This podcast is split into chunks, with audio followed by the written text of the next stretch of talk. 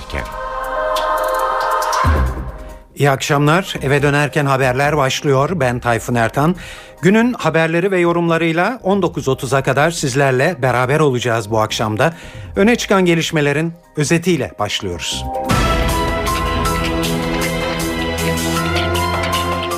Akşam oluyor. Göstericiler iş çıkışı İstanbul'da Taksim ve Ankara'da Kızılay meydanlarında toplanmaya başladı.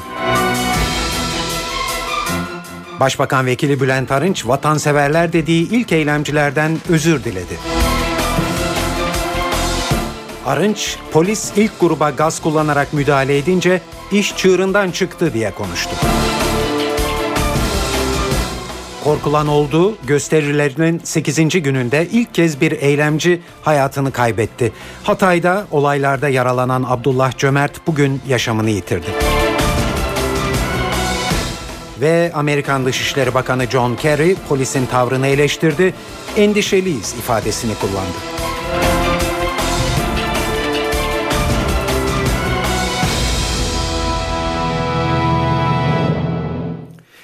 Şimdi ayrıntılara geçiyoruz.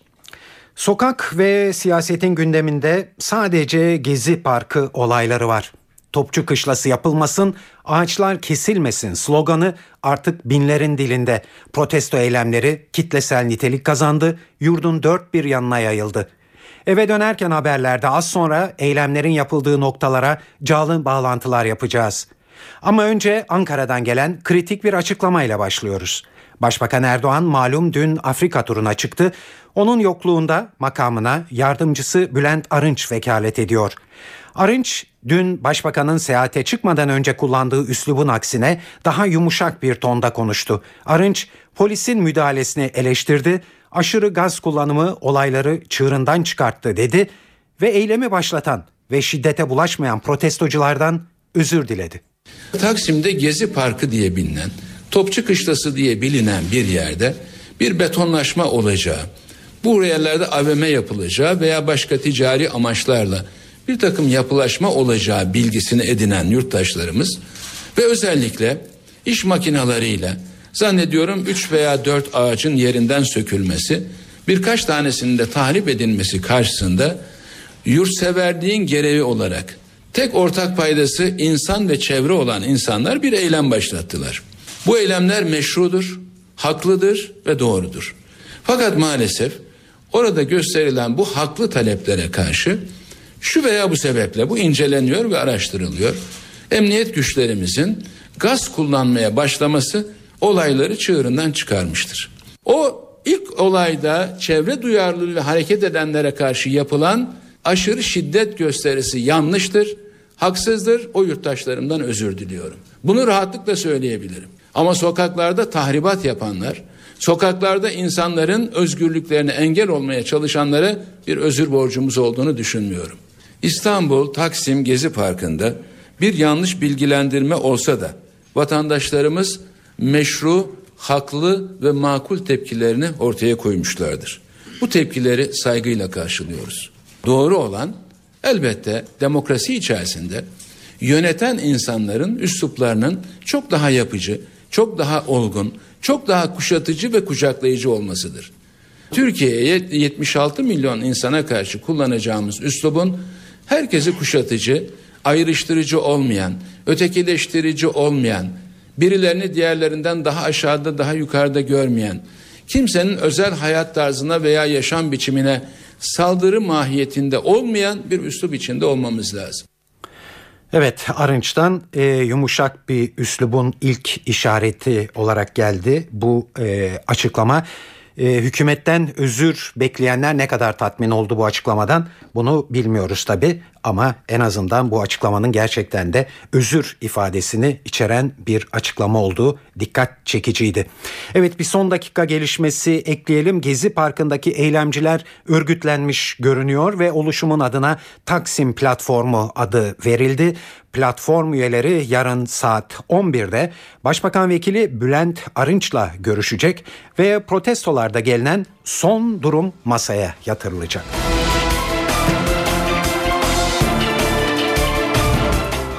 Evet akşam saatleriyle birlikte işlerinden çıkanlar İstanbul'da Taksim'de ve Ankara'da Kızılay'da toplanmaya başladılar dedik. Oralardan size canlı haberler duyuracağız ama önce Hatay'dan gelen bir e, haberle başlayalım. Gösterilerde ilk kez bir eylemci hayatını kaybetti. Dün yaralı olarak hastaneye kaldırılan 22 yaşındaki Abdullah Cömert adlı eylemci başına aldığı darbe nedeniyle bugün yaşamını yitirdi.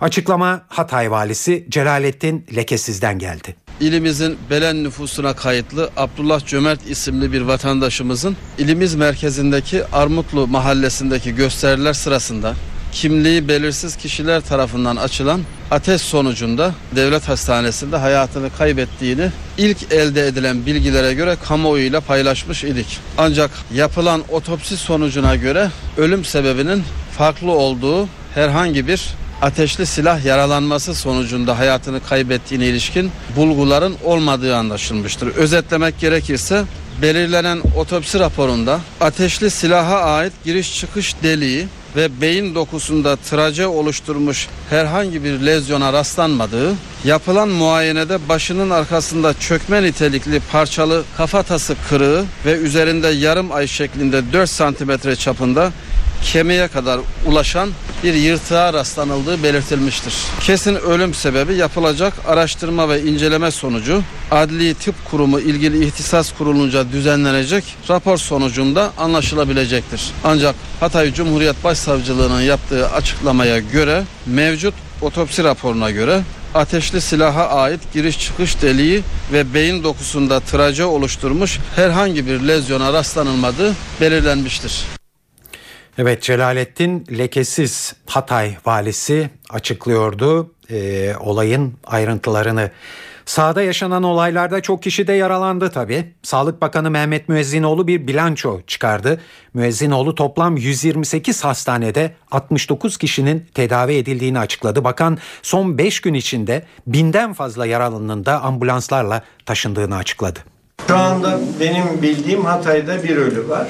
Ee, bunun dışında bizim hastanelerimizde Ankara, e, İstanbul'da yoğun bakımlarda e, yatan 12 yaralımız var. Toplam e, 128 hastanede tedavi gören vatandaşımız var. E, binin üzerinde ambulansla taşıdığımız e, hastamız var. Bu son 5 günde. Sayılar tabii bazen değişiyor. Taburcu olanlar hızla düşüyor. Bu anlamda e, yoğun bakımda riskli olan bir vakamız var, hayati tehlikesi olan. Diğerleri e, tedavilere devam eden hasta. Başbakan e, yardımcısı Bülent Arınç'ın az önce sizlere e, dinlettiğimiz açıklamasında bugün özellikle vurguladığı bir nokta vardı. Polisin e, eylemcilere dönük hareketinin gaz kullanmasının olayları çığırından çıkardığını söylemişti Bülent Arınç. E, bunu az önce yansıttık size. Tabii e, Bülent Arınç'ın e, polislere yönelik bu eleştirilerinin yanıtı bir anlamda kolluk kuvvetlerinin amiri İçişleri Bakanı Muammer, Muammer Güler'den geldi. Güler mecliste yaptığı konuşmada şöyle diyordu. Şiddete varmadığı sürece polisin de bu eylemlere müdahale etmesi elbette ki söz konusu olamaz. Şimdi 28 Mayıs'tan bu yana meydana gelen olaylarda polisin orantısız güç kullandığı konusunda iddialar oldu. Twitter'da, internet medyasında şu anda iki mülkiye müfettişi ve iki polis müfettişi İstanbul'daki olaylarla ilgili bütün iddiaları tek tek inceliyor. Sayın Işık'ın da ifade ettiği iddialar diğer milletvekillerimizin sosyal medyada, yazılı ve görsel medyada, Twitter'larla veya bize intikal ettirilen değişik görüntülerle eğer bir suç işlenmişse kesinlikle bunun kanuni gereği yerine getirilecektir. Bundan emin olmanızı istirham ediyorum. Elbette ki bu arada polisin stres içerisinde görev yaptığını ve kanunsuz eylemleri engellemek için de gayret sarf ettiğini burada ifade etmek istiyorum. Değerli arkadaşlarım, hak arama özgürlüğünü mutlaka anlayışla karşıladığımızı ifade edeceğim. Ancak illegal eylemlere, hak arayışı, hak arama özgürlüğünü aşan eylemlere karşı lütfen hepimiz tavır alalım. Rakamlar vereceğim. 280 iş yeri, 6 kamu binası, 103 polis otosu, 207 özel araç, bir konut, bir polis merkezi ve 11 AK Parti hizmet binası. Bunlara verilen zararları ve 70 milyonu aşan bu zararları da mutlaka görmemiz lazım. Grupların Başbakanlığa, meclise, AK Parti Genel Merkezi'ne, Başbakanlık konusuna yönelen o saldırgan eylemleri karşısında da polis güç kullanmak Ha, bırakalım yürüsün mü? Meclisi işgal mi etsin? Asla ve asla kanunsuz eyleme göz yumma lüksümüz yoktur. Böyle bir lüksümüz de olmayacaktır değerli arkadaşlarım. Samimi olarak hak arayan, kendini ifade eden insanlarla illegal örgütlerin kanunsuz eylemlerini yakmasını, yıkmasını aynı kefeye koyuyorsak böyle bir hakkımız yoktur. Halkımızın şunu bilmesini istiyoruz ki bu eylemleri kendi ideolojileri adına ranta dönüştürmeye çalışan örgütlü yapılar ülkemizde kaos yaratmaya çalışmışlardır. Tekrar ifade ediyorum. Masumane hak arama özgürlüğü içerisinde şiddete başvurmayan herkesin başımızın üzerinde yeri vardır. Ancak yakan, yıkan, kamu malına zarar veren insanlar da lütfen hep birlikte biz karşı çıkalım. Onlarla aramıza mesafeyi koyalım. Bu olay artık siyaset yapma olayı değildir. Bu olayın hepimize zararı vardır. Saat 18.11 NTV Radyo'da eve dönerken haberleri dinliyorsunuz. Şimdi e, bir anlamda her şeyin başladığı, Türkiye'nin günlerdir gözünün üzerinde olduğu noktaya gidiyoruz. Taksim'deki Gezi Parkı'na. Parkta ve Taksim Meydanı çevresinde nöbet sürüyor gibi gözükmekte. Kalabalık çalışma e, saatlerinde azalıp mesai e, saatlerinin bitmesiyle birlikte artmakta. Bu akşam e, durum nedir? Şimdi o noktadan ayrıntılar alacağız. Telefon hattımızda e, NTV muhabiri Burak Özcan var. Burak e, bize lütfen Taksim Meydanı'nda şu an gördüklerini anlatabilir misin? Sen neredesin ve bu akşam nasıl gelişiyor orada olaylar? Evet Tayfun Ertan Taksim Gezi Parkı'nda başlayan ve buradan Türkiye'nin birçok noktasına yayılan eylemler 8. gününde. Biz şu anda Taksim Meydanı'nda Gezi Parkı'nın hemen önündeyiz. Gün boyunca NTV ekipleri olarak buradaydık. Burada 3 gündür aralıksız devam ettiğini söylemek lazım etkinliklerin. Peki önce isterseniz gün içinde neler yaşandı biraz ondan bahsedelim. Kamu Emekçileri Sendikası KES buradaydı bugün öğleden sonra. E, dün, bugün ve yarın için grev kararı almıştı. KESK meydana geldiler, eyleme destek verdiler. DİSK bazı DİSK üyeleri de onlarla birlikteydi. DİSK'in başkanlar e, kurulundan da bir karar geldi. Onlar da yarın için grev kararı aldılar. Onlar da yarın saat 1'de Şişli'deki genel merkezler önünde toplanacaklar ve oradan Taksim Meydanı'na yürüyüp eyleme destek verecekler. Peki şu an nasıl bir hava var Taksim'de, Taksim çevresinde, Gezi Parkı'nda ondan bahsedelim. Meydanda yine farklı gruplar var, şarkılar söyleniyor, halaylar çekiliyor. Gezi Parkı'ndaysa kalabalığın akşamın ilk saatleriyle birlikte artmaya başladığını söylemek lazım. Farklı bir ayrıntı bir sahne kuruluyor şu an Gezi Parkı içinde. Bu sahnede konserler verilecek, çeşitli etkinlikler yapılması planlanıyor. Her iki noktada da sakin bir ortam, coşkulu bir hava olduğunu söylemek mümkün. Az önce İstiklal Caddesi'nden geçtik. Orada hayat normal akışında devam ediyor. Şu an için diğer günler gibi görmeye alışık olduğumuz bir İstiklal Caddesi var. Dükkanlar açık, insanlar alışveriş yapıyor. Herhangi bir gerginlik olmadığının altını çizmek lazım. Gözaltılarla ilgili bir not var onu aktaralım. Bugüne kadar İstanbul'da çıkan olaylarda 261 kişi gözaltına alınmıştı. Gözaltındaki bu kişilerin 261'inin hepsinin serbest bırakıldığını söyleyelim. Bir diğer not yıkılıp yıkılmayacağı tartışmaları süren Atatürk Kültür Merkezi de birkaç gündür eylemciler var Atatürk Kültür Merkezi'nde. Binaya posterler, afişler atılmış durumda. Onlar da eyleme Atatürk Kültür Merkezi'nin çatısından destek veriyorlar. Tayfun Ertan, Taksim'deki son durum bu. Mesai saatinin sona ermesiyle birlikte de kalabalığın gittikçe artması bekleniyor. Evet Tayfun Burak çok Ertan. çok teşekkürler ama bir gözlemini vurgulayalım. Doğru e, bir şekilde e, hem yansıtmak hem de oradaki havayı güzel vermek açısından gayet barışçıl ve sakin bir ortam var benim gördüğüm değil mi Burak? Evet e, Tayfun Ertan kesinlikle isterseniz orayı bir kez daha belirtelim. E, dün akşam da yine zaman zaman tansiyon yükselse de böyle bir hava vardı Taksim'de Gezi Parkı'nda. Altını çizmek lazım. Sakin bir ortam var ama coşkulu bir hava var. Hem Taksim Meydanı'nda hem de Gezi Parkı'nda. İlerleyen saatlerde bu coşkunun daha da artması bekleniyor. Çok çok e, teşekkürler verdiğin bilgiler için ve e, tabii e, İstanbul'dan sonra Taksim'den sonra Ankara'ya da e, uzanalım. Çünkü e, Ankara protestolar ve gösteriler açısından en hareketli, en sıcak noktalardan biriydi. Özellikle ikinci gün yüzlerce kişi e, Kızılay Meydanı'nı Ankara'nın Gezi Parkı noktası olarak bellemiş durumda. Bu noktada toplanılıyor, sloganlar atılıyor ve tepkiler dile getiriliyor. Polis dün gece eylemcilere müdahale etmiş ve bir hayli yükselmişti tansiyon orada. Bugün durum nasıl ona bakacağız. NTV muhabiri Gökhan Gerçek her zaman olduğu gibi bu akşamda görevinin başında ve şimdi de Kızılay Meydanı'nda bizim için Kızılay Meydanı'ndaki durumu anlatacak. Gökhan seni dinliyoruz.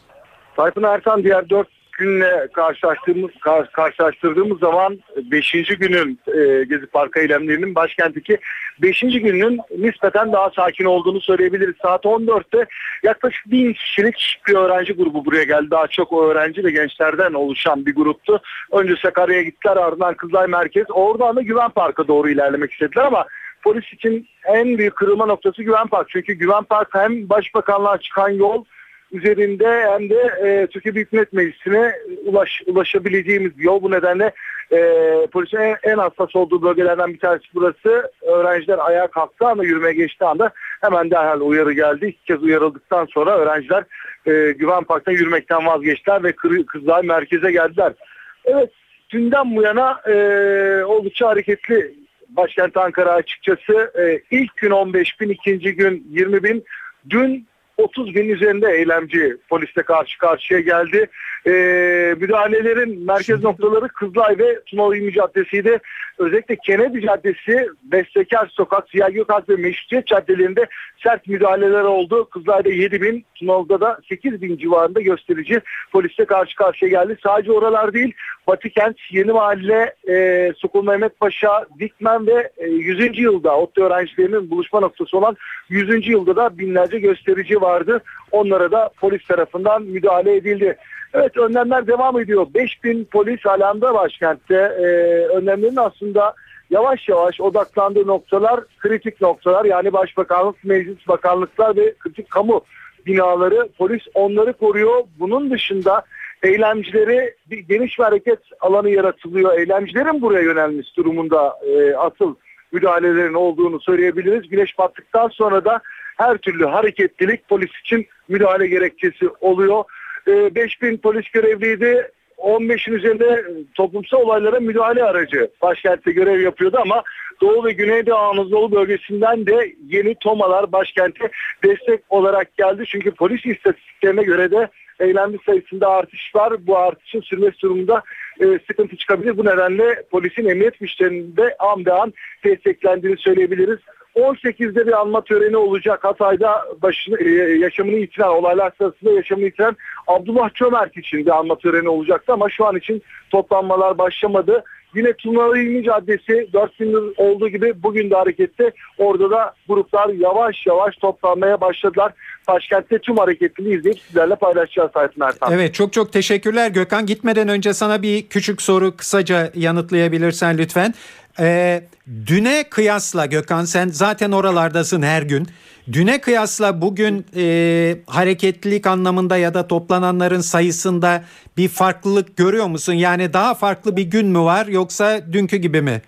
Tayfun Erkan örgütsel bir bağ olmadan gelişen organizasyonlar olduğu için bu neyin ne zaman gelişeceğini açıkçası biz de bilmiyoruz. Polis de bilmiyor çünkü 10 kişilik bir grup eyleme başlıyor. Sosyal medya üzerinden haberleşerek gruplar birden 100 kişiye 1000 kişiye dönüşebiliyor.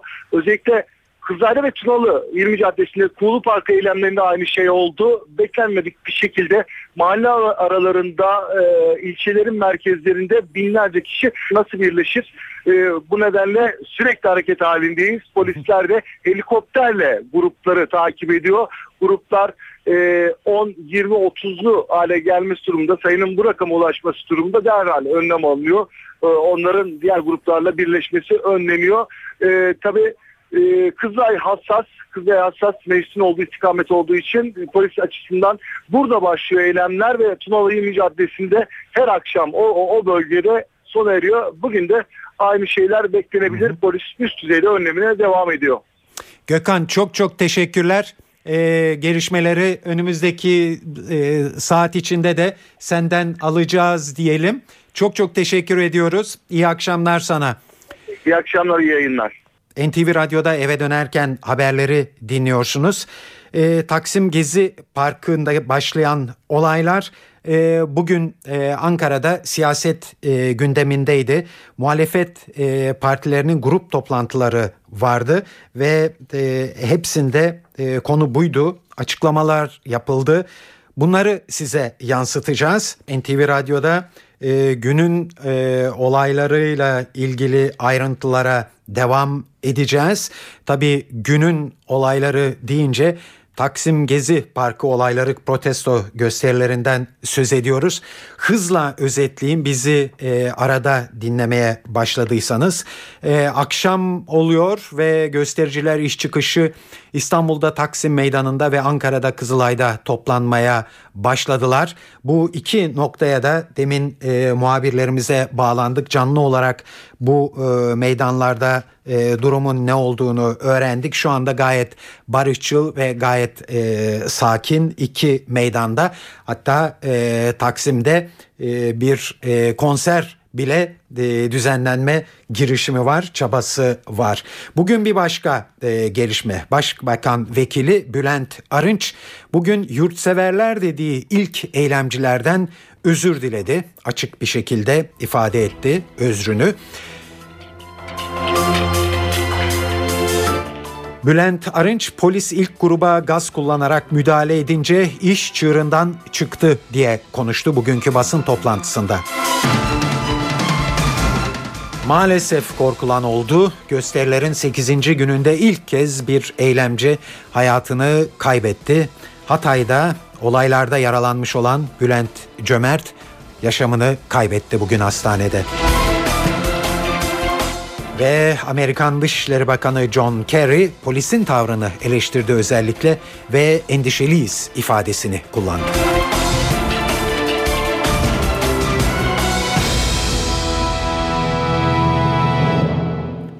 Ankara'da bugün e, siyasetin gündeminde de tabii bu konu vardı.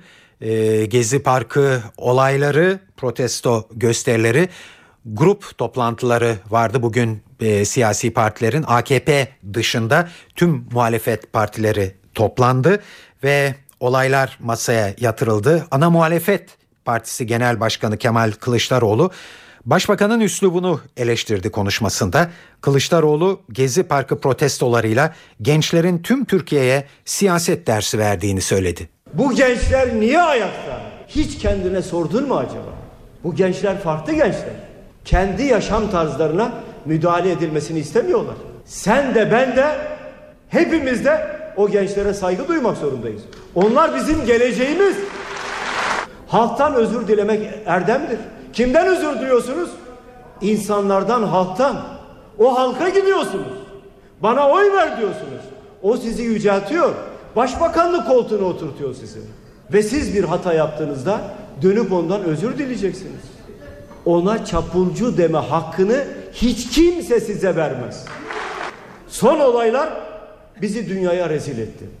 Türkiye Cumhuriyeti'ni rezil etmeye kimin ne hakkı var? Gençler demokrasi istiyor, özgürlük istiyor. Vereceksiniz efendim. Taksim'de bir avuç yer. Neden bırakmıyorsun burayı? Yazık günah değil mi? Yeşili dolar olarak gören ve tanımlayan bir zihniyetten bu ülkenin kurtulması lazım. Ve değerli arkadaşlarım bir sağduyulu ses daha var. Sayın Cumhurbaşkanı şöyle söylüyor. İletişim teknolojilerinin eriştiği güç karşısında hiçbir kapalı rejimin uzun vadede ayakta kalması mümkün değil. Doğru söylüyor.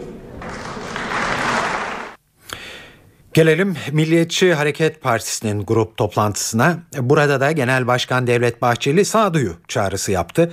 Bahçeli olaylardan Başbakan Erdoğan'ı sorumlu tuttu. Ardından da partisinin bu eylemler içinde olmayacağının mesajını verdi. Taksim geriliminin ana ve siklet merkezi Başbakanın kuru inadı, hoşgörüsüz tavrı ve benden başkası hükümsüzdür anlamına gelen miadı dolmuş siyaset dilidir. Sabaha karşı düzenlenen polis baskınları, yaka paça yapılan gözaltılılar, biber gazlı müdahaleler, insanlıkla bağdaşmayan şiddet sahneleri Gezi Parkı'nı kabusa çevirmiştir.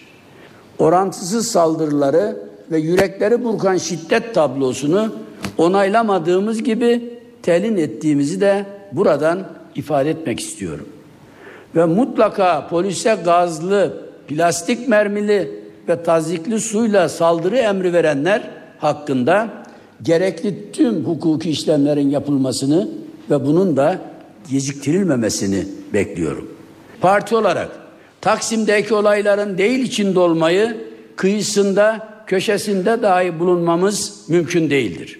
Bizim için AKP'nin devrileceği görevden alınacağı tek yer sandıktır. Ve bunu yapacak olan Türk milletinin kutlu iradesidir. Ne olursa olsun çare demokrasidir. Ne olursa olsun tek seçenek meşruiyet sınırlarında kalmaktır. Ne olursa olsun gaz altında kalınsa da gaza gelmemektir. BDP eş genel başkanı Selahattin Demirtaş da Taksim Gezi Parkı protestosuyla başlayıp ülke geneline yayılan olaylardan Başbakan Erdoğan'ı sorumlu tuttu. Demirtaş başbakanın tutumu nedeniyle yıllardır birikmiş olan halkın öfkesinin dışa vurulduğunu söyledi. Bütün bu karışıklığı, bütün bu eylemleri, direnişi yaratan, kıvılcımı çakan bu ülkenin başbakanının kendisidir. İsyanın fitilini ateşlemiştir. Şu anda müzakere sürecini de rahatlatacak, sokağı da rahatlatacak en önemli hamle bir demokrasi reform paketiyle parlamentoya gelmek olmalıdır. Gösteri yapan arkadaşlarımızın hiçbirinin hiçbir şekilde şiddete başvurmaması, şiddete meyletmemesi gerekir. Gösterilerin tümüyle barışçıl çerçevede kalabilmesi bu gösterilerin hükümetin doğru mesajı alabilmesi açısından da önemli olduğunu burada altını çizerek belirtmek istiyorum. Mesajların derli toplu daha çok da demokrasi ve özgürlük talepleri etrafında kilitlenmiş, kenetlenmiş bir aşamada olması gerekir. Saat 18.32 Gezi Parkı protestolarına yönelik bir değerlendirmede Diyanet İşleri Başkanı Mehmet Görmez'den geldi. Görmez sükunet ve sağduyu çağrısında bulundu. Mesajında Öfkelerimiz sokağa, meydanlara taştığı şu günlerde birbirimizle daha çok konuşmalıyız, birbirimizi daha çok dinlemeliyiz, birbirimizi daha çok anlaşmaya çalışmalıyız dedi. Hassas ve sorunlu dönemeçlerden geçildiğini söyleyen Görmez, yapılması gerekenin kendi ifadesiyle kırılan kalpleri onarmak, yıkılan köprüleri yeniden kurmak olduğunu söyledi.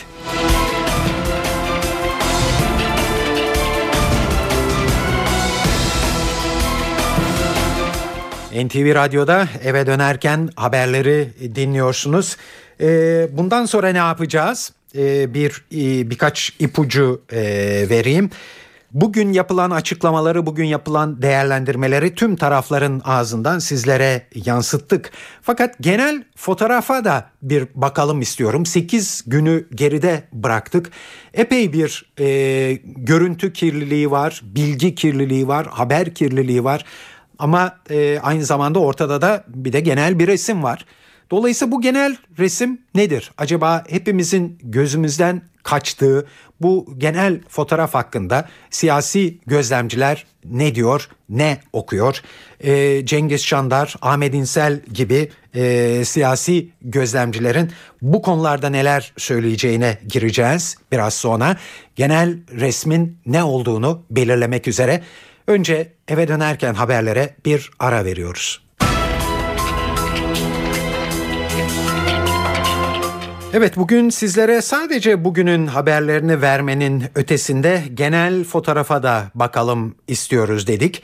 Nedir bu olaylar? Neden şimdi protesto edilen nedir?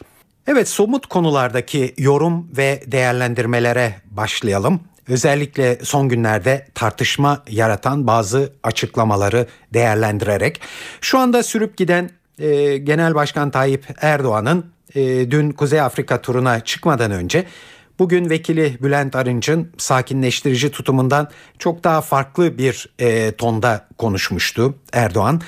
Hatırlarsanız herhalde AKP tabanını kastederek şöyle demişti. Gezi Parkı olayındaki ağaç meselesi bu işin aslında fitilini ateşleme olayıdır. Şu anda evlerinde bizim zorla tuttuğumuz bu ülkenin en az yüzde ellisi var. Evet gayet tartışmalı bir ifadeydi bu Ee, Başbakan Tayyip Erdoğan'dan. Ne anlama geliyordu acaba bu e, açıklama ve yankıları neler olabilir? Birçok siyasi analist başbakanın dün yaptığı bu açıklamanın gerginliği daha da tırmandırdığı hatta ayrışmaya neden olabileceği görüşünde. Bu düşüncede olan isimlerden biri de Radikal Gazetesi yazarı Tarhan Erdem. Kamuoyu nabzını tutan isimlerden Erdem, Başbakanın %50 benim arkamda çıkışının son derece tehlikeli olduğunu söylüyor. Oradaki 12 tane ağacın sökülmesi ve oradaki müdahale, karşı çıkma, polisin tedbirleri vesaireyle iş bu duruma gelmiştir. Fevkalade yazıktır. Yani Türkiye'ye yazık ediliyor. Hükümetimizin, başbakanımızın durumu iyi yönetmesi lazım. İyi yönetmesi için de anlaması lazım. Anlaması için anladıktan sonra bu kutuplaşmadan medet ummaması lazım. Zannediyor ki bu kutuplaşmayı kullanırsa yüzde elli kendisinin yine yanında olur. Görülecektir bir ay içinde, bir buçuk ay içinde kim kime oy vereceğini, kim nereye gittiğini. Böyle şey olmaz. Böyle yani bunu 1960 yılında ben yaşadım. 1960 yılından bir ay evvel başbakanın söylediklerini de hatırlıyorum. Bunları lütfen Sayın Başbakanımızın, hükümetimizin dikkate alması lazım. Eğer Sayın Başbakan kutuplaşmanın bundan bir ay evvel kendisinin yanında olan kısmının stabil, sağlam, sabit duruşunu devam edeceğini zannediyorsa yanılıyor. Çünkü kendisine oy veren her türlü insan vardır. Özellikle AK Parti'nin 2007 ve 2011 seçimlerindeki oy dağılımının profiline bakarsanız bunu görürsünüz. Yani Türkiye'deki bütün profillerin, bütün değişik kesimlerin AK Parti'ye verdiği oy oranı o kesimin Türkiye'deki mevcuduna yakındır. Yani biri 5 ise yüzde 5'ten yüzde 100 alıyor veya yüzde 5'ten yüzde 1 alıyor değildir. Yüzde 5'ten yüzde dört buçuk beş buçuk kadar alıyordur. Büyük bir kitle partisi ve o parti ve büyük bir o toplumu temsil eden çok önemli bir parti olduğunu gösterir. Ama şimdi AK Parti bunu terk ediyor. Bu özelliğini bırakıp başka bir tarafa doğru gidiyor. Nedir o? Beni tutması tabii olan bir kesimi ben elimde tutarım. Öbür gelenler beni ilgilendirmez. Bu bana yeter. Bir, yetmez. İktidar için o kesim yetmez. İki, o kalmaz. Yani şimdi oran vermenin anlamı yok. O kalmaz. Yani güvendiği dağlara güvenmesin. Evet Tarhan e, Erdem e, sayısal bir e, değerlendirme yaptı. Bu durumla ilgili olarak AKP'nin e, beklentileri açısından. Şimdi e, akşam gazetesi Ankara temsilcisi Çiğdem Toker'e kanıt vereceğiz, yanıt e, kulak vereceğiz. Çiğdem Toker olayların gelişimindeki nedenler üzerinde duruyor. Sayın Başbakan'ın dün çıkmadan önce havaalanında yaptığı konuşmadaki bazı ifadeler gerginliği ve kutuplaştırmayı maalesef arttırıcı yöndeydi. Tansiyonu da yükseltici yöndeydi. Bunu söylemek gerekiyor.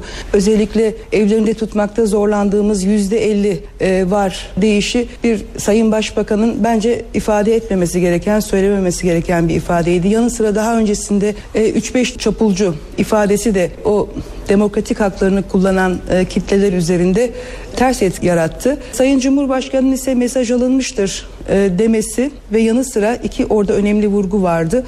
Demokrasi sadece seçimlerden ibaret değildir demesi kuşkusuz ki önemli. Zaten birbirine hiçbir şekilde benzemeyen, normal koşullarda yan yana e, gelebileceğini çok düşünmediğimiz yaş e, toplumsal kesimlerdeki insanların e, bir araya gelmesi de e, aslında şunu gösteriyor. Demokratik ifade kanallarının yeterince açık olmadığını gösteriyor toplumda uzun bir süredir.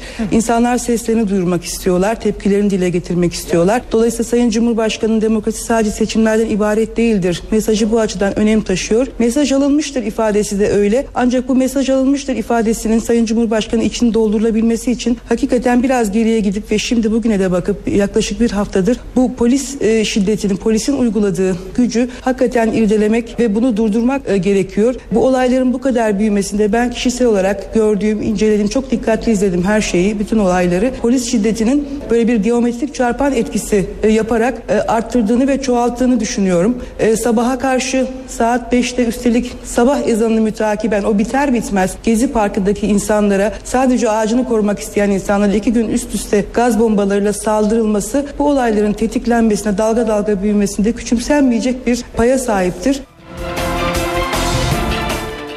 Evet gelelim bir başka tartışma konusuna.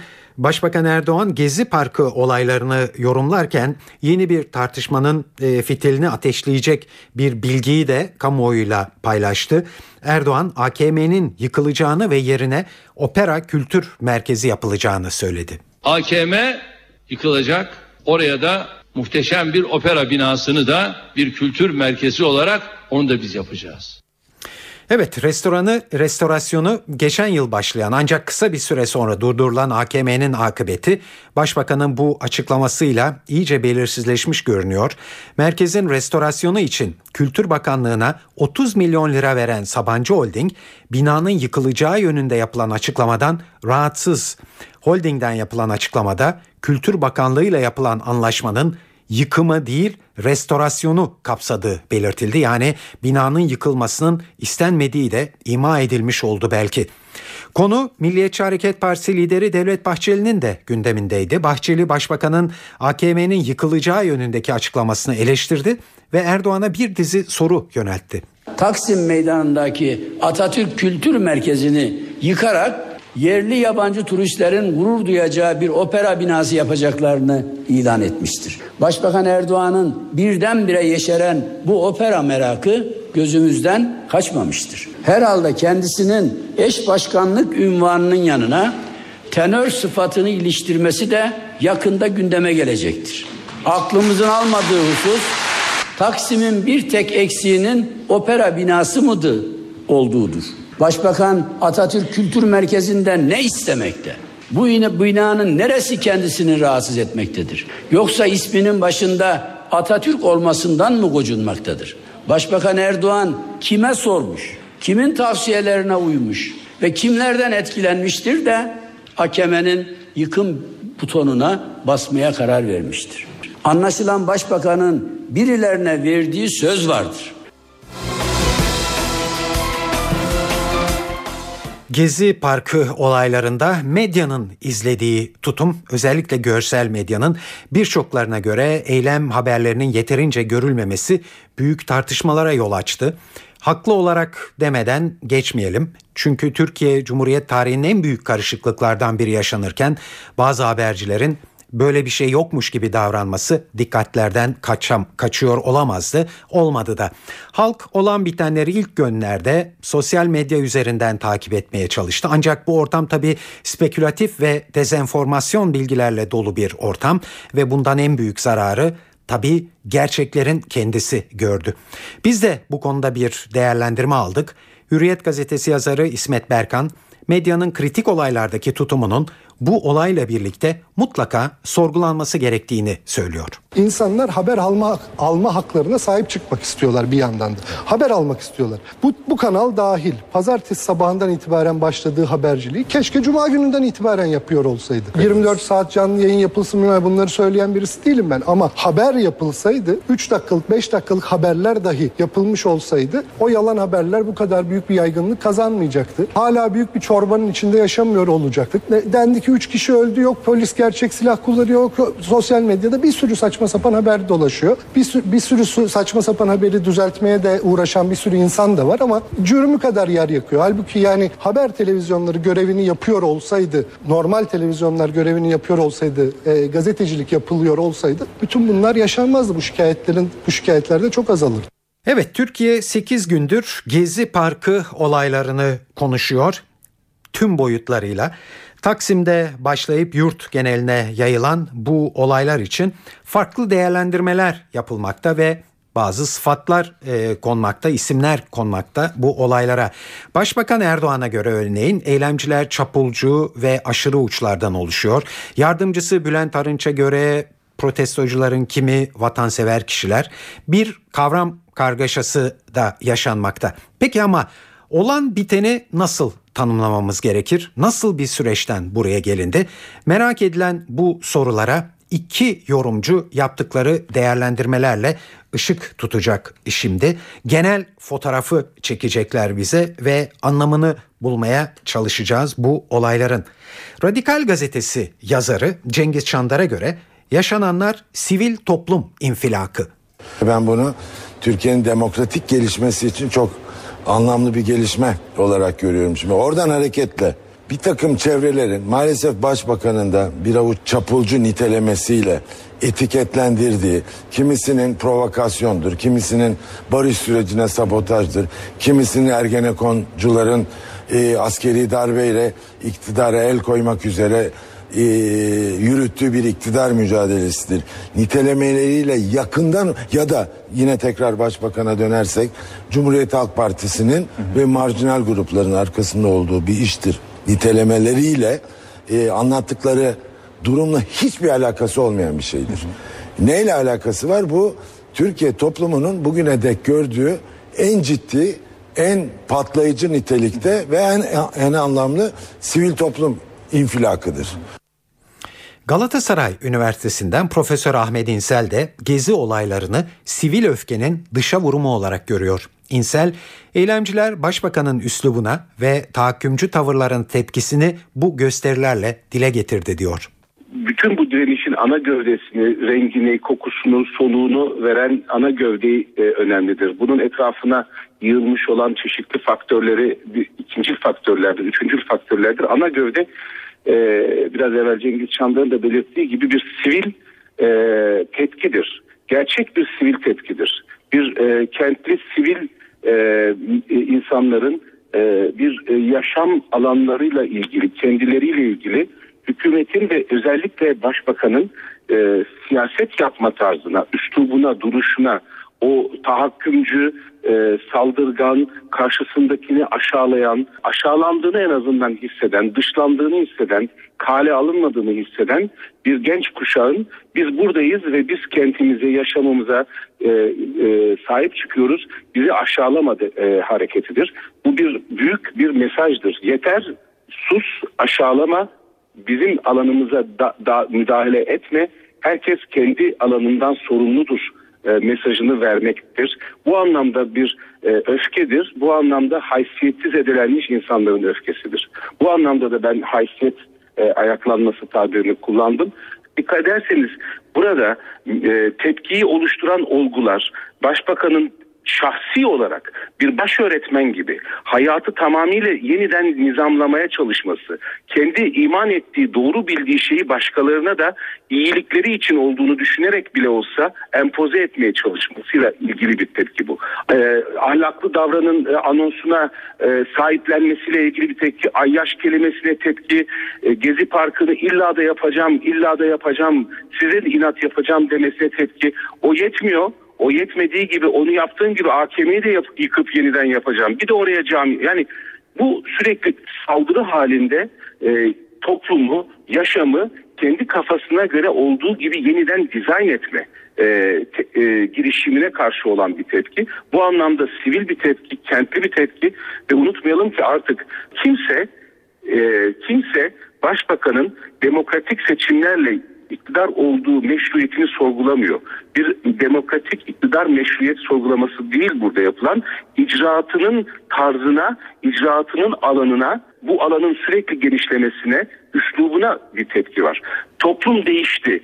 Ee, başbakanın katkılarıyla da değişti büyük ölçüde. Toplum moder, daha modernleşti, daha bireyleşti. Fakat başbakan kendisinin de değişimine katkıda bulunduğu toplumun gerisinde kaldı, eski rejimde kaldı.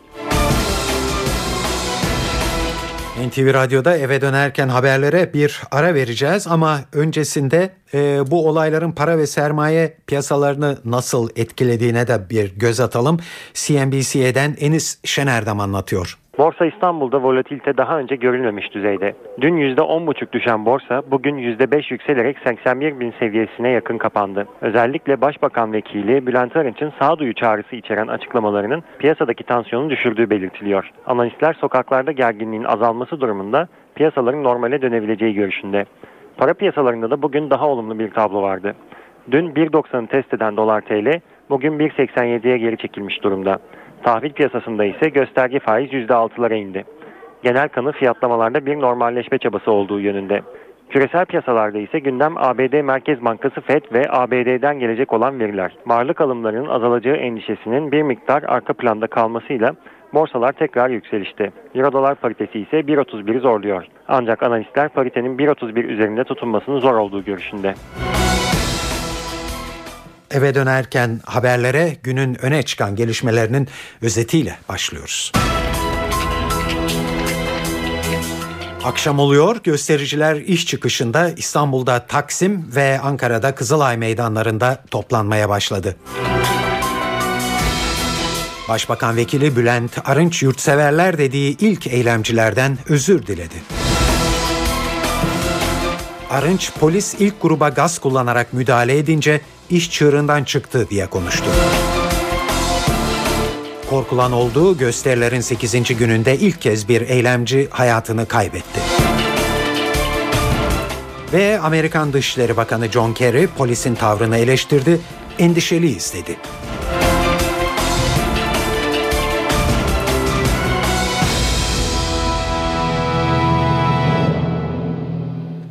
Evet şimdi ayrıntılara geçiyoruz. Sokak ve siyasetin gündeminde tabii Gezi Parkı olayları var.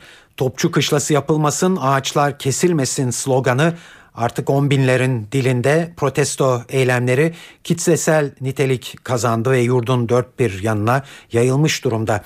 Eve dönerken haberlerde e, size az önce İstanbul ve Ankara'da e, Taksim ve Kızılay'da muhabirlerimizden ayrıntılı haberler yansıttık. E, grupların toplanmaya başladığını biliyoruz ama her şey e, sakin. E, Taksim'de bir konser yapılması bile düşünülmekte, planlanmakta. Evet Başbakan Erdoğan Afrika turunda ve onun yokluğunda makamına yardımcısı Bülent Arınç vekalet ediyor.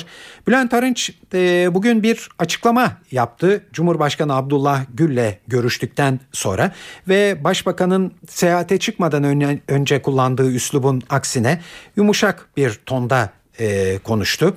Hatta pek çok göstericinin e, talep ettiği özür kelimesini açık seçik e, kullandı e, Bülent Arınç şöyle konuştu. Taksim'de Gezi Parkı diye bilinen, Topçu Kışlası diye bilinen bir yerde bir betonlaşma olacağı, bu yerlerde AVM yapılacağı veya başka ticari amaçlarla bir takım yapılaşma olacağı bilgisini edinen yurttaşlarımız ve özellikle iş makinalarıyla zannediyorum 3 veya 4 ağacın yerinden sökülmesi, birkaç tanesinin de tahrip edilmesi karşısında yurtseverliğin gereği olarak tek ortak paydası insan ve çevre olan insanlar bir eylem başlattılar. Bu eylemler meşrudur, haklıdır ve doğrudur. Fakat maalesef orada gösterilen bu haklı taleplere karşı şu veya bu sebeple bu inceleniyor ve araştırılıyor. Emniyet güçlerimizin gaz kullanmaya başlaması olayları çığırından çıkarmıştır. O ilk olayda çevre duyarlılığıyla hareket edenlere karşı yapılan aşırı şiddet gösterisi yanlıştır, haksızdır. O yurttaşlarımdan özür diliyorum. Bunu rahatlıkla söyleyebilirim. Ama sokaklarda tahribat yapanlar, sokaklarda insanların özgürlüklerine engel olmaya çalışanlara bir özür borcumuz olduğunu düşünmüyorum. İstanbul Taksim Gezi Parkı'nda bir yanlış bilgilendirme olsa da vatandaşlarımız meşru, haklı ve makul tepkilerini ortaya koymuşlardır. Bu tepkileri saygıyla karşılıyoruz. Doğru olan elbette demokrasi içerisinde yöneten insanların üsluplarının çok daha yapıcı, çok daha olgun, çok daha kuşatıcı ve kucaklayıcı olmasıdır.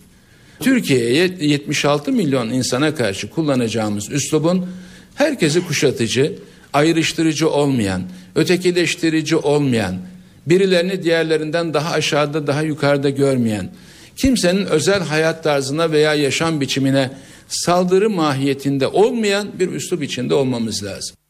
Evet gösterilerde ilk kez bir eylemci hayatını kaybetti.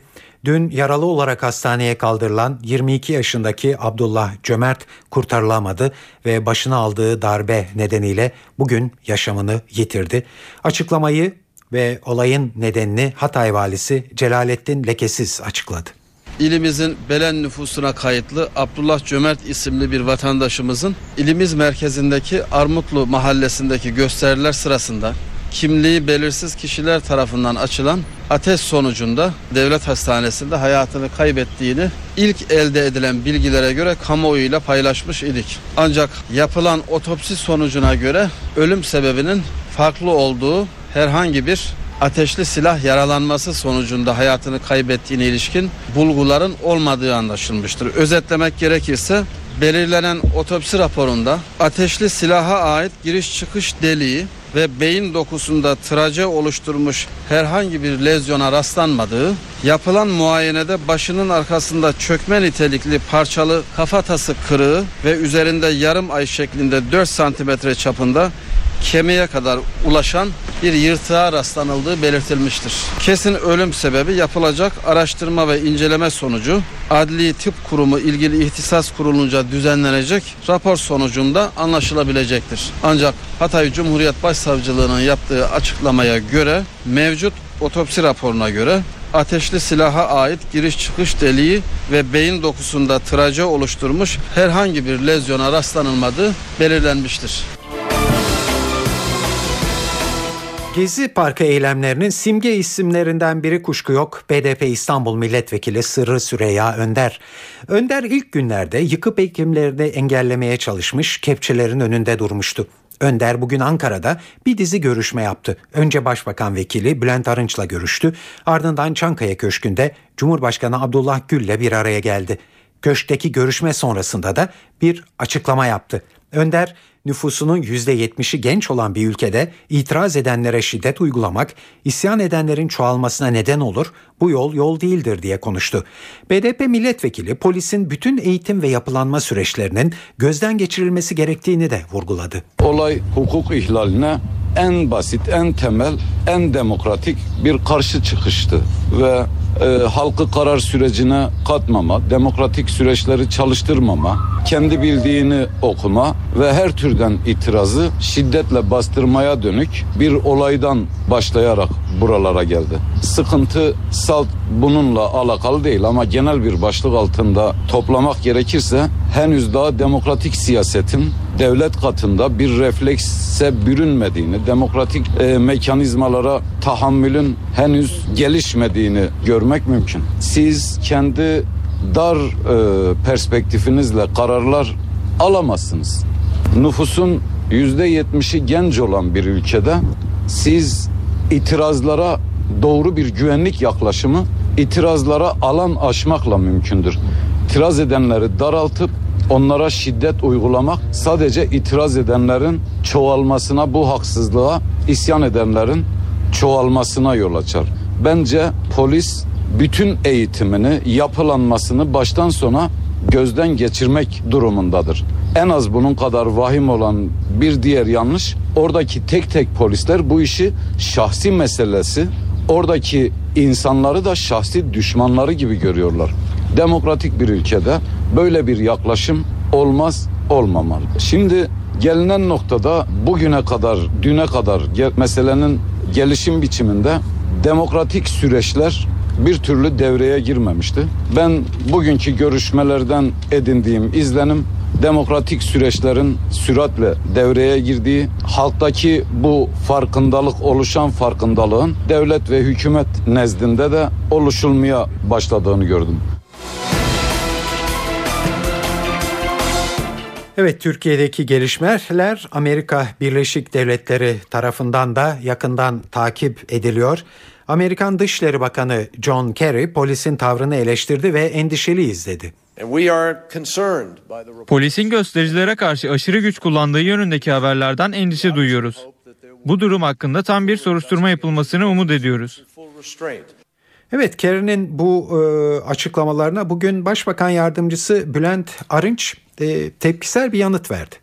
Sayın Kerry'nin açıklamaları Sayın Dışişleri Bakanımız kendisini arayıp görüşmüştür. Önce şuna bakmamız lazım. Şimdi Türkiye'de yaşanan bu olayları bazı gaflet içindeki insanlar çünkü iyi niyetli olduklarını düşünmüyorum. Bir Arap baharına benzetme gayreti içerisinde. Ne kadar uğraşsanız böyle bir şey mümkün değil, doğru da değil. Türkiye'nin şartları itibariyle bir takım ülkelerde yaşanmış olan adını biz koymadık.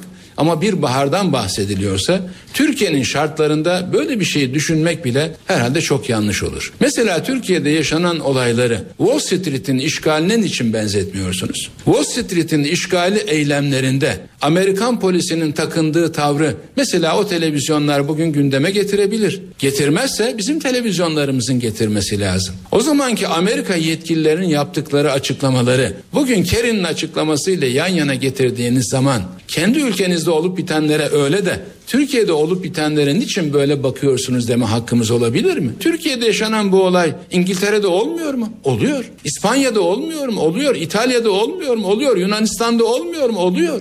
Evet son bir notla bu haberimizde noktalayalım. Amerika'nın Ankara Büyükelçiliği de kendi vatandaşlarına Türkiye için bir uyarıda bulundu. Amerikan vatandaşlarına gösterilerden ve büyük mitinglerden uzak durmaları tavsiye edildi.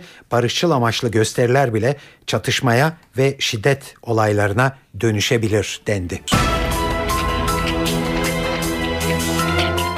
Gezi protestoları dış basınında gündeminde tabii. Eylemler İngiltere ve Fransa'daki gazetelerin birinci sayfalarında yer alıyor. Gazeteler Başbakan Erdoğan halkın taleplerine kulak asmalı yoksa 10 yıllık mirası tehlikeye girecek yorumunda bulunuyor. Dış basında yapılan değerlendirmeleri NTV Paris muhabiri Kayhan Karaca derledi. Gezi Parkı ile başlayan protestolar dış basında geniş yankı bulmaya devam ediyor. Fransız basını bugünkü haberlerinde sosyal medyanın protestolar açısından önemine vurguda bulundu.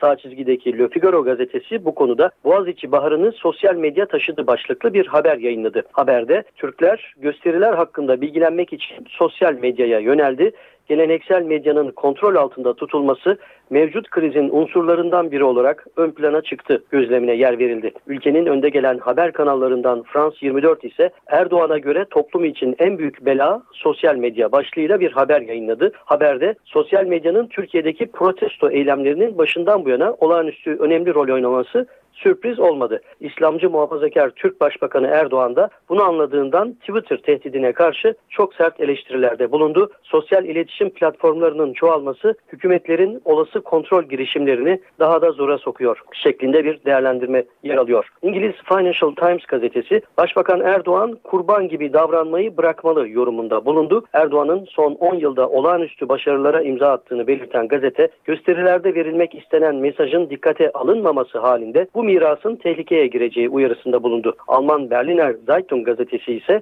Türkiye Başbakanının siyasi gücü arttıkça kontrol kaybı başladı ifadesini kullandı.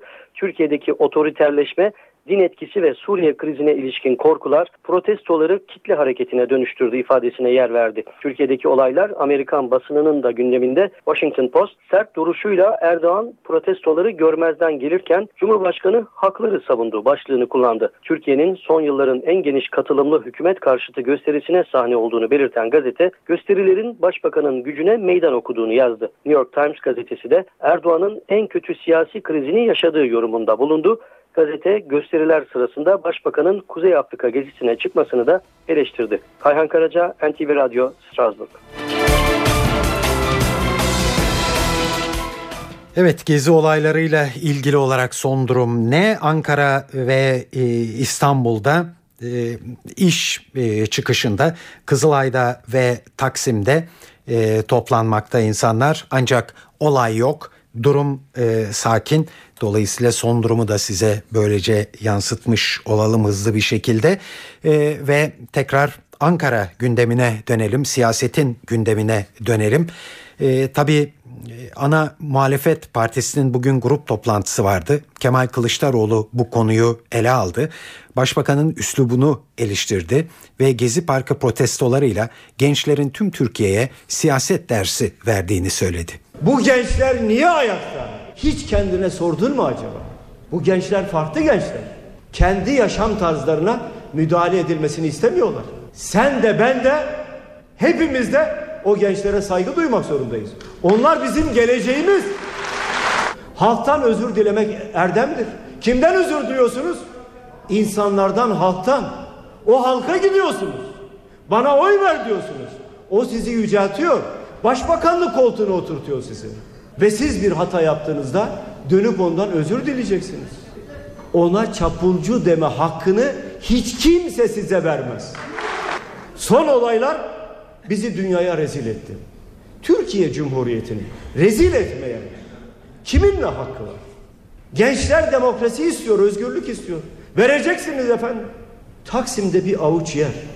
Neden bırakmıyorsun burayı? Yazık günah değil mi? Yeşili dolar olarak gören ve tanımlayan bir zihniyetten bu ülkenin kurtulması lazım. Ve değerli arkadaşlarım bir sağduyulu ses daha var. Sayın Cumhurbaşkanı şöyle söylüyor. İletişim teknolojilerinin eriştiği güç karşısında hiçbir kapalı rejimin uzun vadede ayakta kalması mümkün değil. Doğru söylüyor. Milliyetçi Hareket Partisi Genel Başkanı Devlet Bahçeli de sağduyu çağrısı yaptı ve partisinin bu eylemlerin içinde olmayacağını söyledi. Taksim geriliminin ana ve sıklet merkezi başbakanın kuru inadı, hoşgörüsüz tavrı ve benden başkası hükümsüzdür anlamına gelen miadı dolmuş siyaset dilidir. Sabaha karşı düzenlenen polis baskınları, yaka paça yapılan gözaltılılar, biber gazlı müdahaleler, insanlıkla bağdaşmayan şiddet sahneleri Gezi Parkı'nı kabusa çevirmiştir. Orantısız saldırıları ve yürekleri burkan şiddet tablosunu onaylamadığımız gibi telin ettiğimizi de buradan ifade etmek istiyorum. Ve mutlaka polise gazlı, plastik mermili ve tazikli suyla saldırı emri verenler hakkında gerekli tüm hukuki işlemlerin yapılmasını ve bunun da geciktirilmemesini bekliyorum. Parti olarak Taksim'deki olayların değil içinde olmayı kıyısında, köşesinde dahi bulunmamız mümkün değildir. Bizim için AKP'nin devrileceği görevden alınacağı tek yer sandıktır. Ve bunu yapacak olan Türk milletinin kutlu iradesidir. Ne olursa olsun çare demokrasidir. Ne olursa olsun tek seçenek meşruiyet sınırlarında kalmaktır. Ne olursa olsun gaz altında kalınsa da gaza gelmemektir. Evet BDP eş genel başkanı Selahattin Demirtaş da Başbakan Erdoğan'ı sorumlu tuttu. Demirtaş yıllardır birikmiş olan halkın öfkesinin dışa vurulduğunu söyledi. Bütün bu karışıklığı, bütün bu eylemleri, direnişi yaratan, kıvılcımı çakan bu ülkenin başbakanının kendisidir. İsyanın fitilini ateşlemiştir. Şu anda müzakere sürecini de rahatlatacak, sokağı da rahatlatacak en önemli hamle bir demokrasi reform paketiyle parlamentoya gelmek olmalıdır. Gösteri yapan arkadaşlarımızın hiçbirinin hiçbir şekilde şiddete başvurmaması, şiddete meyletmemesi gerekir. Gösterilerin tümüyle barışçıl çerçevede kalabilmesi, bu gösterilerin hükümetin doğru mesajı alabilmesi açısından da önemli olduğunu burada altını çizerek belirtmek istiyorum. Mesajların derli toplu, daha çok da demokrasi ve özgürlük talepleri etrafında kilitlenmiş, kenetlenmiş bir aşamada olması gerekir. Başbakan Tayyip Erdoğan'ın dün Kuzey Afrika turuna çıkmadan önce yaptığı bir e, açıklama bugün e, çok yoğun bir şekilde tartışıldı. Önce ne dediğine bir e, kulak vereceğiz Erdoğan'ın. E, herhalde AKP tabanını kastederek şöyle konuşmuştu başbakan. Gezi Parkı olayındaki ağaç meselesi bu işin aslında fitilini ateşleme olayıdır. Şu anda evlerinde bizim zorla tuttuğumuz bu ülkenin en az yüzde ellisi var. Evet böyleydi. Başbakan Erdoğan'ın e, açıklaması e, Kuzey Afrika turuna çıkmadan önce Ankara'da. Şimdi bu açıklamanın yankılarının nasıl e, olduğuna bakacağız. Birçok siyasi analist e, bu açıklamanın gerginliği daha da e, tırmanacağını hatta ayrışmalara neden olabileceğini söylediler. Bu düşüncede olan isimlerden biri de Radikal Gazetesi yazarı Tarhan Erdem.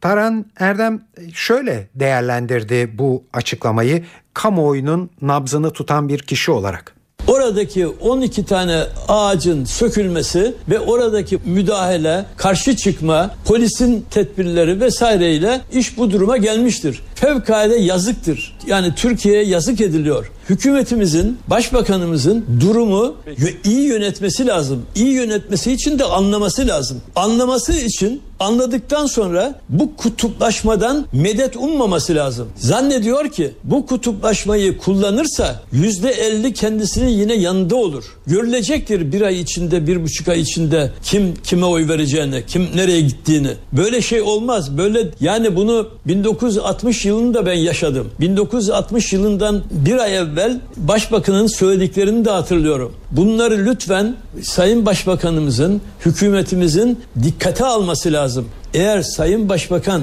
kutuplaşmanın bundan bir ay evvel kendisinin yanında olan kısmının stabil, sağlam, sabit duruşunu devam edeceğini zannediyorsa yanılıyor.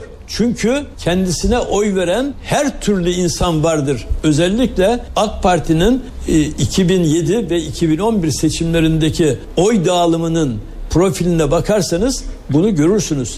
Yani Türkiye'deki bütün profillerin, bütün değişik kesimlerin AK Parti'ye verdiği oy oranı o kesimin Türkiye'deki mevcuduna yakındır. Yani biri 5 ise yüzde beşten yüzde yüz alıyor veya yüzde beşten yüzde bir alıyor değildir. Yüzde beşten yüzde dört buçuk beş buçuk kadar alıyordur. Büyük bir kitle partisi ve o parti ve büyük bir o toplumu temsil eden çok önemli bir parti olduğunu gösterir. Ama şimdi AK Parti bunu terk ediyor. Bu özelliğini bırakıp başka bir tarafa doğru gidiyor. Nedir o? Beni tutması tabii olan bir kesimi ben elimde tutarım. Öbür gelenler beni ilgilendirmez. Bu bana yeter. Bir, yetmez. İktidar için o kesim yetmez. İki, o kalmaz. Yani şimdi oran vermenin anlamı yok. O kalmaz. Yani güvendiği dağlara güvenmesin. Evet Taran e, Erdem'i dinliyorduk. Kamuoyunun nabzını tutan bir kişi olarak. Peki acaba bu olaylarla ilgili olarak genel tablo bize ne diyor? Zaman zaman tek tek olayların, tek tek açıklamaların içinde kayboluyoruz. Acaba genel resmi nasıl tanımlamalıyız? Galatasaray Üniversitesi'nden Profesör Ahmet İnsal gezi olaylarını sivil öfkenin dışa vurumu olarak görüyor. İnsel, eylemciler başbakanın üslubuna ve tahakkümcü tavırlarına tepkilerini dile getiriyor diyor.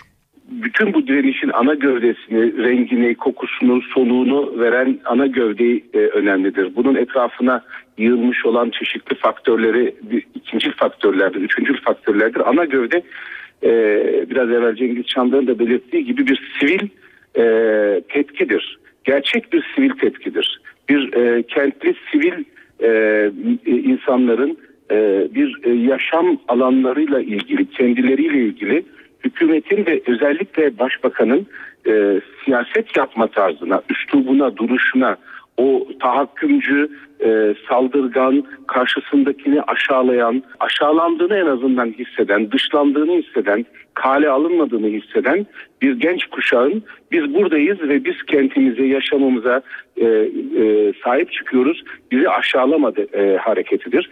Bu bir büyük bir mesajdır. Yeter sus, aşağılama, bizim alanımıza da, da müdahale etme. Herkes kendi alanından sorumludur e, mesajını vermektir. Bu anlamda bir e, öfkedir. Bu anlamda haysiyetsiz edilenmiş insanların öfkesidir. Bu anlamda da ben haysiyet e, ayaklanması tabirini kullandım. Dikkat ederseniz burada tepkiyi oluşturan olgular, başbakanın şahsi olarak bir baş öğretmen gibi hayatı tamamıyla yeniden nizamlamaya çalışması, kendi iman ettiği, doğru bildiği şeyi başkalarına da iyilikleri için olduğunu düşünerek bile olsa empoze etmeye çalışmasıyla ilgili bir tepki bu. Ee, ahlaklı davranın e, anonsuna e, sahiplenmesiyle ilgili bir tepki, ayyaş kelimesine tepki, e, Gezi Parkı'nı illa da yapacağım, illa da yapacağım, size de inat yapacağım demesine tepki. O yetmiyor. O yetmediği gibi onu yaptığın gibi AKM'yi de yap- yıkıp yeniden yapacağım. Bir de oraya cami. Yani bu sürekli saldırı halinde e, toplumu, yaşamı kendi kafasına göre olduğu gibi yeniden dizayn etme e, te- e, girişimine karşı olan bir tepki. Bu anlamda sivil bir tepki, kentli bir tepki ve unutmayalım ki artık kimse e, kimse başbakanın demokratik seçimlerle iktidar olduğu meşruiyetini sorgulamıyor. Bir demokratik iktidar meşruiyet sorgulaması değil burada yapılan icraatının tarzına, icraatının alanına, bu alanın sürekli genişlemesine, üslubuna bir tepki var. Toplum değişti. Ee, Başbakanın katkılarıyla da değişti büyük ölçüde. Toplum moder, daha modernleşti, daha bireyleşti. Fakat başbakan kendisinin de değişimine katkıda bulunduğu toplumun gerisinde kaldı, eski rejimde kaldı. Evet eve dönerken haberler burada e, sona eriyor. Hızla bir durumu özetlersek size Ankara ve İstanbul'da mesai çıkışı toplananlar oldu. Taksim Meydanı'nda ve Kızılay'da bir olay yok, bir çatışma yok. Türkiye genelinden de herhangi bir e, olayın haberini almıyoruz.